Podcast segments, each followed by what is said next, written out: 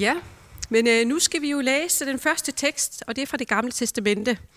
Og dengang jeg lige læste første gang, så nåede jeg også at tænke på, var det Bibelen, eller var det et lægeleksikon, jeg var i gang med at læse i? Fordi nu skal vi høre, at der er kun to vers, og øh, det er fra Ezekiels bog, kapitel 36, vers 26-28. Jeg giver jer et nyt hjerte og en ny ånd i jeres indre. Jeg fjerner stenhjertet fra jeres krop og giver jer et hjerte af kød. Jeg giver jer min ånd i jeres indre, så I følger mine love om, og omhyggeligt holder mine bud. Så det var sådan en hjertetransplantation. Amen. Og fra Nytestamentet skal vi lytte til, lytte til Jesus, som siger til sine disciple, nu går jeg til ham, som har sendt mig, og ingen af jer spørger mig, hvor går du hen?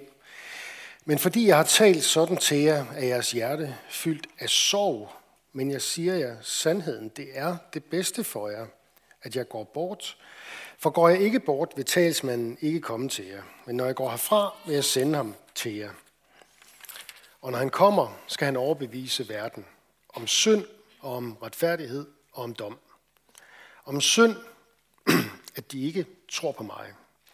Om retfærdighed, at jeg går til faderen, og I ser mig ikke længere.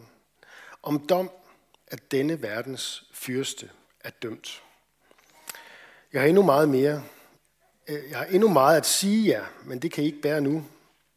Men når han kommer, sandhedens ånd, skal han vejlede jer i hele sandheden. For han skal ikke tale af sig selv, men alt hvad han hører, skal han tale, og hvad der kommer, skal han forkynde for jer.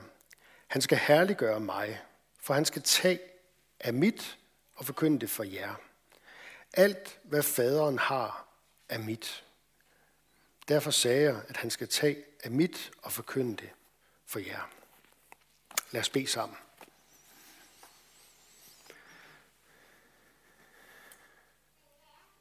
Helligånd, vi beder om, at du vil tage af det, som er fra Gud, og det, som er fra Jesus ikke? Og giv det til os nu. Amen.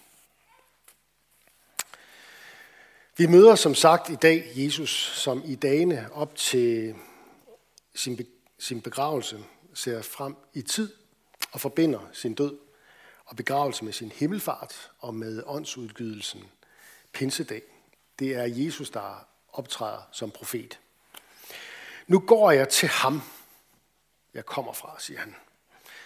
Med andre ord, nu tager jeg tilbage til himlen, til Guds rige, der hvor Gud bor, der hvor jeg kom fra. Der er øh, nogle forskellige spørgsmål, der trænger sig på, når man lytter til Jesus her som profet. Vi kunne starte med at spørge, hvor er himlen? Fader, hvor du som er i himlen. Hvor og hvad er himlen for noget? I hvilken forstand er Jesus til stede i verden nu, og hvad betyder det for os? Det skal vi prøve at se på. Først det her med, hvad er himlen for en ting? Der er groft sagt to ting, man kan sige om det. Den ene, det er himlen, sådan som vi ofte forbinder den med, som den blå himmel, øh, som fuglene flyver oppe under. Det er den skabte himmel. Vi møder det i øh, salme 8 i det gamle testamente, hvor salmisten siger, når jeg ser din himmel, dine fingres værk. Jesus han taler om at se på himlens fugle. Der taler han på den, altså himmelrummet, som du kan kigge op i. Du kan da en flyve derop med Elon Musk om nogle få år, tror jeg. Det er, også. det er den ene, i den ene forstand himlen. Og så er der himlen i en anden forstand, som vi også ofte møder i Bibelen. Og det er den, hvor himlen er Guds bolig. Fader vor, du som er i himlene. Du som bor i himlen. Eller som det siges et sted i det gamle testamente, se ned fra din hellige bolig fra himlen og velsign dit folk Israel. Så det er altså ud fra sammenhængen, eller det her fine ord, konteksten, som skolebørn taler om i første klasse. Det sagde vi altså ikke, det er ikke i folkeskolen i første klasse. Konteksten. Sammenhængen. Det er ud fra sammenhængen, man skal forstå, hvad er det for en betydning, jeg har med at gøre. Er det den skabte himmel, eller er det Guds bolig? Nogle gange så er det sådan, at himlen forstået som Guds bolig, bryder ind på en særlig måde i vores verden og vores dimensioner, længde, højde og bredde. Vi, vi registrerer jo sådan ofte i tre øh, dimensioner, øh, længde, højde og bredde.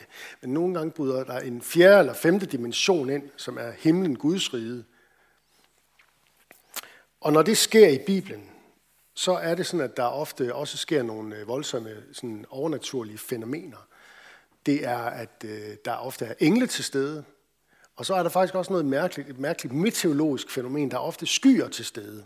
Skyer og engle. Når du støder på det, så skal du vide, nu er Guds bolig, himlen, ved at gøre noget særligt ved jorden. Jeg nævner bare lige i flæng de ti bud, da de blev givet på Sinai. Da Jesus blev født, der var der engle og lysende skyer.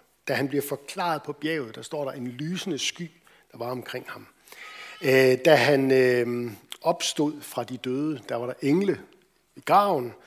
Og da han får til himmels, der, sidder, der står disciplen og glaner opad, og så står der to mænd i lysende klæder og spørger, hvorfor står I og kigger sådan opad?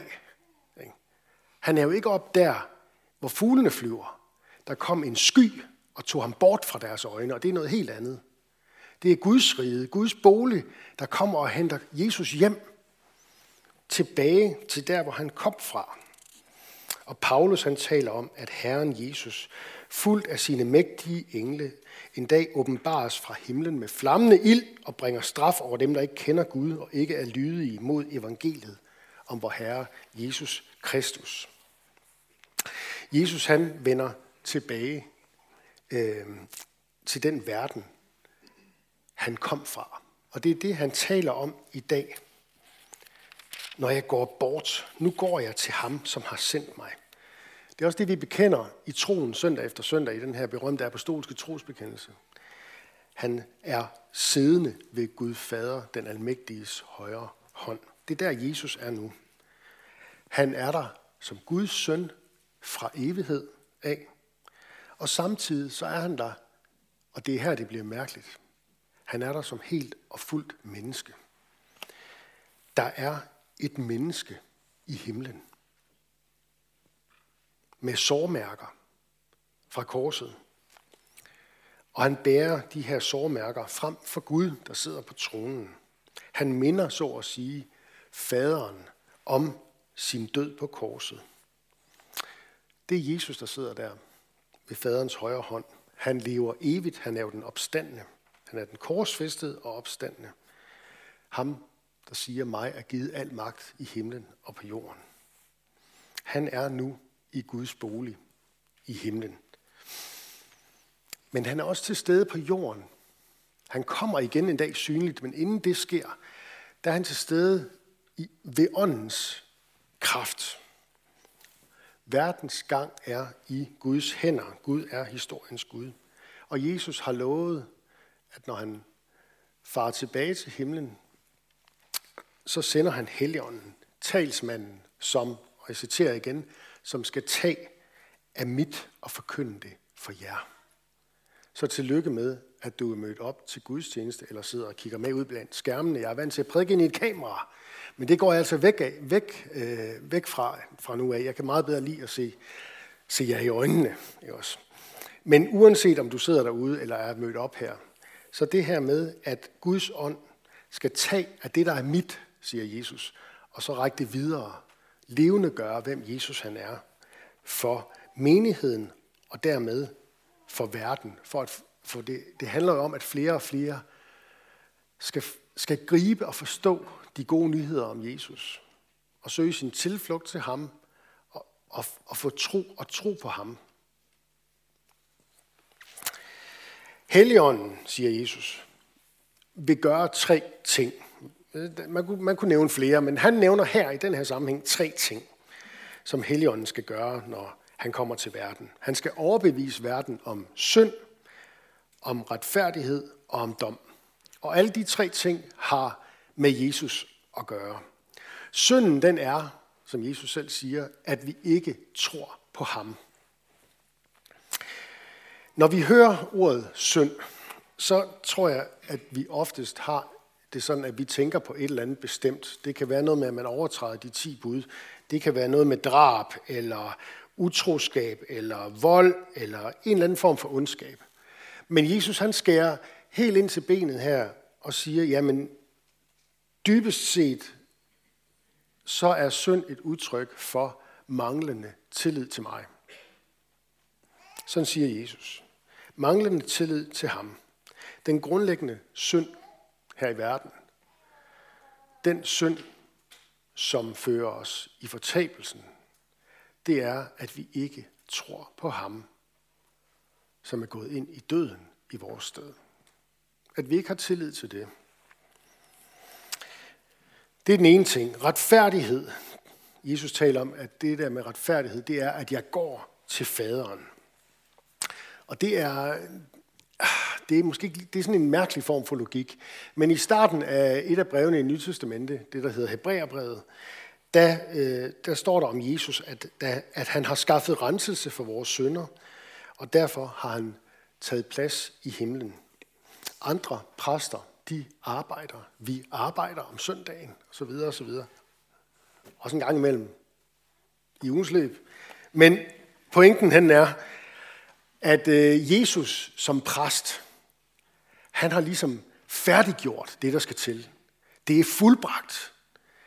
Og så efter, at han havde, efter det blev fuldbragt, og han gik ud af graven og er faret til himmels, så sidder han nu ved faderens højre hånd. Han står der ikke. Og det er der en pointe i. For de andre præster, de står op på arbejde. Ikke også? Jesus han sidder ned, for han har færdiggjort alt, hvad der skal til, for at du kan være Guds barn. For at du kan have tillid til ham. Det er fantastisk. Han har taget plads der ved faderens højre hånd. Han er færdig på den måde. Han er færdig med at arbejde. Tingene er lavet. Han sidder ned, og i stedet for, så sender han Helligånden til menigheden og til verden, på arbejde ind i menigheden. Det var altså, at Helligånden skal overbevise om synd, om retfærdighed og så om dom. Det var den tredje ting. Og dommen, det er, at denne verdens fyrste er dømt. Et mærkeligt udtryk, men verdens fyrste, det er et, øh, det er et udtryk, Jesus han bruger om Guds modstander. Djævlen, den gamle slange, Satan selv, altså den onde. Han ved nu, efter Jesu død opstandelse, at han er, at spillet er ude, han har tabt, at hans tid er kort. Det ved han. Han troede, han vandt, da han så Jesus dø på korset. Han troede, ah, nu er der frit spil i verden. Men han tog fejl, fordi påskemorgen slukker sorgen, som vi synger. Påskemorgen vender tingene på hovedet. Jesus han sejrer, og hverken synden, døden eller djævlen har egentlig noget krav nu på noget menneske. Det er jo evangeliet, som vi gerne vil ud med. Det er derfor, vi taler om, at vi gerne vil være en taknemmelig kirke i mission. Det her med, at når det går op for os, at hverken synden i mit liv, mørket eller djævlen selv, eller ultimativt det her med, at vi skal dø, det har i sidste ende ikke noget krav på os. Der er en opstandelse på den anden side ved troen på Jesus. En opstandelse til evigt liv. Så det var det her, det var lige et par ord om det her med, hvad er det Helligånden øh, skal gøre i vores liv i forhold til at tro på Jesus. Det kan virke som et tab, øh, når Jesus han siger, jeg går til faderen, men det er i virkeligheden det stik modsatte. Det at Jesus han siger, nu øh, tager jeg derhen, hvor jeg kom fra. Det er ikke et tab af ham som herre, det er modsat. Det er faktisk det modsatte. Det er en, en intensivering af Jesu herredømme ud over hele jorden. Det er ikke et tab heller af Jesu nærvær. Det er det modsatte. Nu kan han være til stede på en måde, som han ikke har kunnet før. For tænk på det på den måde, da Jesus kom første gang, der var han begrænset af tid og rum. Han holdt sig stort set kun til Israels folk og opfyldte løfterne, eller dele af de løfter, Gud har givet der til dem. Og, og øh, han, han bevægede sig kun inden for et meget, meget lille geografisk område.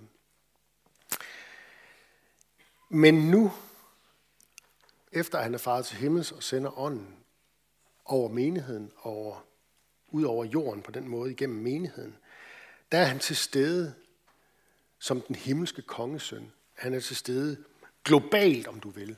Han bryder, så at sige, tid og rum på en måde, som han ikke kunne gøre det før. Det er det, Jesus han kan som den korsfæste opstandende, himmelfarende, åndssendende, som Guds søn, som han nu er. Øhm, jeg siger lige lidt mere om det, for vi har ikke en gudstjeneste, Kristi himmelfart. Så I får lige lidt mere, fordi det er jo det, Jesus han profeterer om i teksten her. På engelsk, der taler man himmel, Kristi himmelfartsdag, den hedder på engelsk Ascension Day. Og det betyder, øh, at han stiger op. Og det er taget fra, altså når man bliver kronet som konge. De er der for eksempel har set The Crown, og hvis I ikke har set det endnu, så har I noget til gode. Ikke? Men altså, der ved I, der er et afsnit, hvor hun bliver kronet som meget ung til dronning Elisabeth. Og det er egentlig, hvad ascension er. Det er, at man ligesom stiger op på sin trone. Man bliver til noget, man ikke var før. Øhm, eller det bliver i hvert fald tydeligt, at det, man var på vej til at skulle gøre, det, er, det bliver nu, øh, det bliver nu en, en virkelighed. Det er, du kan, man kan sige det på en måde, du kan stige graderne på dit arbejde, eller i militæret osv.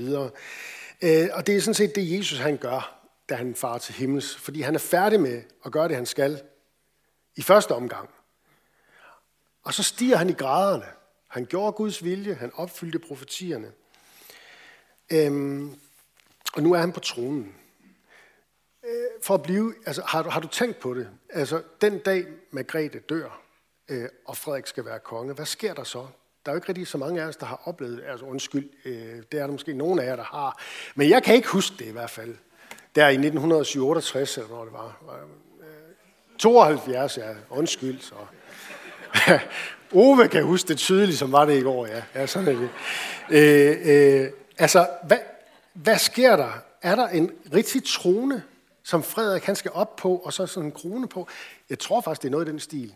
Det, er, det bliver højtidligt, ikke også? Det bliver, altså, vi alle sammen er royalister og stolte over at være et kongedømme den dag, ikke også? Frederik, når det sker, så får han en ny autoritet øh, i forhold til alle danskere. Nu er han ikke bare sådan et tron, eller, tron, hvad hedder det, tronarving. Nu er han kongen. Nu er han på tronen.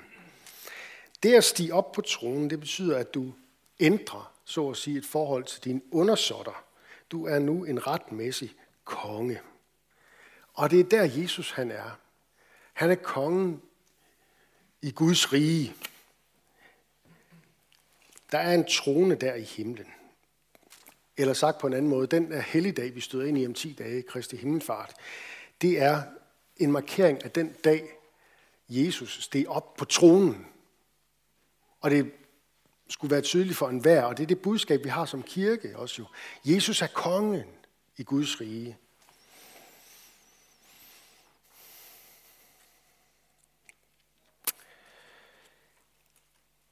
Derfor er Guds menighed jordens største under, fordi den er ikke skabt af mennesker, men af Jesus selv, den korsfæstede opstandende herre og frelser, ham som er kongen på tronen, som sender sin ånd og gør, at Guds rige er noget, der kan spredes ud over hele jorden.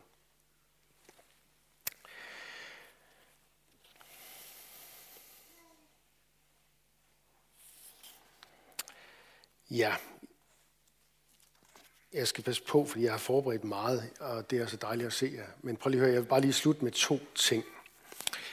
Hvad betyder det, at Jesus han er taget tilbage, der hvor han kommer fra, og sender ånden? Jamen det betyder jo, at Jesus har omsorg for dig, og han beder for dig. Jesus Kristus er død, siger Paulus. Og endnu mere, han er opstået og sidder ved Guds højre hånd og går i forbøn for os. Tænk på det, når dit eget bønsliv ikke fungerer ordentligt. Så, så ret alligevel henvendelse til ham og sige, Jesus, nu er det nu, jeg må stole på, at det passer det, som Paulus siger der. Nu skal du bede for mig. Nu skal du lægge ord ind, et ord ind for mig hos faderen på tronen, der ved din side. Jeg har brug for, at du beder. Jeg kan ikke selv finde ord for, hvad det er, der plager mig. Han går i forbøn for os. Det synes jeg er stærkt. Og den anden ting, jeg vil nævne til slut, det er det her med, at Jesus der i himlen, han er værdig vores tak, vores lovsang, vores tilbedelse. Han er lige nu på tronen i himlen. Ikke bare en god følelse af at se hinanden. Han er det faktisk også, når du står ned og handler i Aldi på mandag. Men når vi samles til gudstjeneste, så må vi gerne have den tanke med ind over det. At Jesus, han er der, og han bliver tilbedt af en himmelsk herskare af engle 24 timer i døgnet. Og når vi samles til gudstjeneste, og vi synger og takker ham, så lægger vi ligesom vores tak oven i det, der allerede sker i forvejen i himlen. Det synes jeg er en stærk og god tanke. Det er noget af det, der også ligger i det. Nu går jeg bort. Men han er ikke langt væk. Han er lige på den anden side i den der fjerde dimension. Han er lige ved siden af os. Det går, at vi ikke kan se os. Se ham synligt, men han er midt i blandt os ved sin ånd og ved sit ord. Lad os takke ham for det og bede sammen. Jesus, vi tager dig, fordi at vi har fået en stor ypperste præst, som det siges et sted i Nye Testamente, øh, som har gjort arbejdet færdigt. Tak fordi du er steget ned fra himlen og har gjort arbejdet og steget op igen. Og vi ønsker at holde fast ved den bekendelse, at vi har en præst i dig, som er blevet fristet i alting, ligesom vi, men uden synd. Til gengæld, til gengæld har du båret straffen for vores synd og skyld. Tak fordi, at vi kan få øh, frimodighed til at træde frem for dig, frem for nådens trone og finde noget til hjælp i rette tid. Vi tager dig for fællesskabet, fordi vi øh, er der har mulighed for at mødes ansigt til ansigt. Hjælp os at række ud over vores egne behov. Lær os at sætte os selv til side til fordel for vores næste. Lær os at elske hver søster og bror. Lær os at se kraften i dit ord. Vi beder for den kommende generation, både de fødte, de ufødte, de, fø, de nyfødte, børnene og de unge. Beskærm du dem og lad dem få lov at vokse op i tro på dig. Vi beder for Skærn by og omegn, for familie, venner, naboer og kolleger. For alle, som øh, ovenpå en, et redselsår savner nærvær og fællesskab. Hjælp os til at, til at finde retning igen og være en, en taknemmelig kirke i mission, som er præget af jamen, både øh, åndens kraft og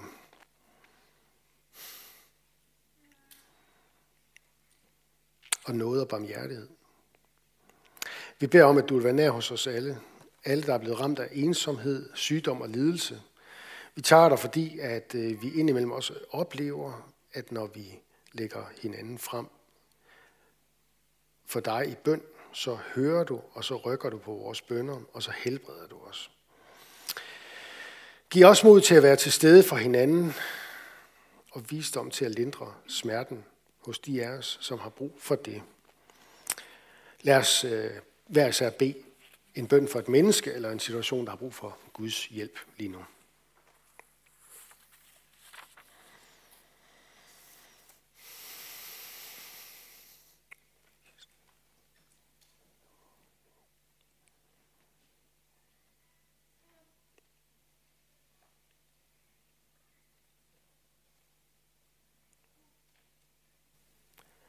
Vi beder, beder for din kirke ud over jorden. Lad de kristne vise mod og gøre en forskel for mange i øh, den usikre tid, vi lever i. Gud, vi tror, at du har skabt os, og at i enhver opgave på arbejdspladsen, i familien, i vores menigheder, hvor det nu er, der er du usynligt til stede og giver os vores daglige brød, vores sundhed vores, og vores kald til at elske vores næste. Vi bliver derfor alle, der er blevet betroet øh, magt og autoritet, hjælp dem og os til at værne hinanden mod uret og vold. Vi beder om, at øh, de gode nyheder om dig, Jesus, er der må få fremgang i Danmark. Vend vores hjerter til dig. Vi bekender vores medansvar i kirkens og folkets forfald. Vi bekender vores mangel på tro, lydighed og kærlighed. Giv os mere af det, Jesus. Vi beder om, at de gode nyheder om dig må sprede sig blandt denne verdens muslimer, så de omvender sig og lærer dig at kende som den eneste sande Gud. Vi beder om, at den tid snart må komme, hvor de jødiske folk må se dig som Messias, og du vil udgyde din ånd over deres hjerter og opfylde profetierne. Jesus, vi længes efter nærvær, hinandens nærvær, efter dit nærvær. Kom snart og gør alting nyt. Det beder vi om i dit navn. Amen.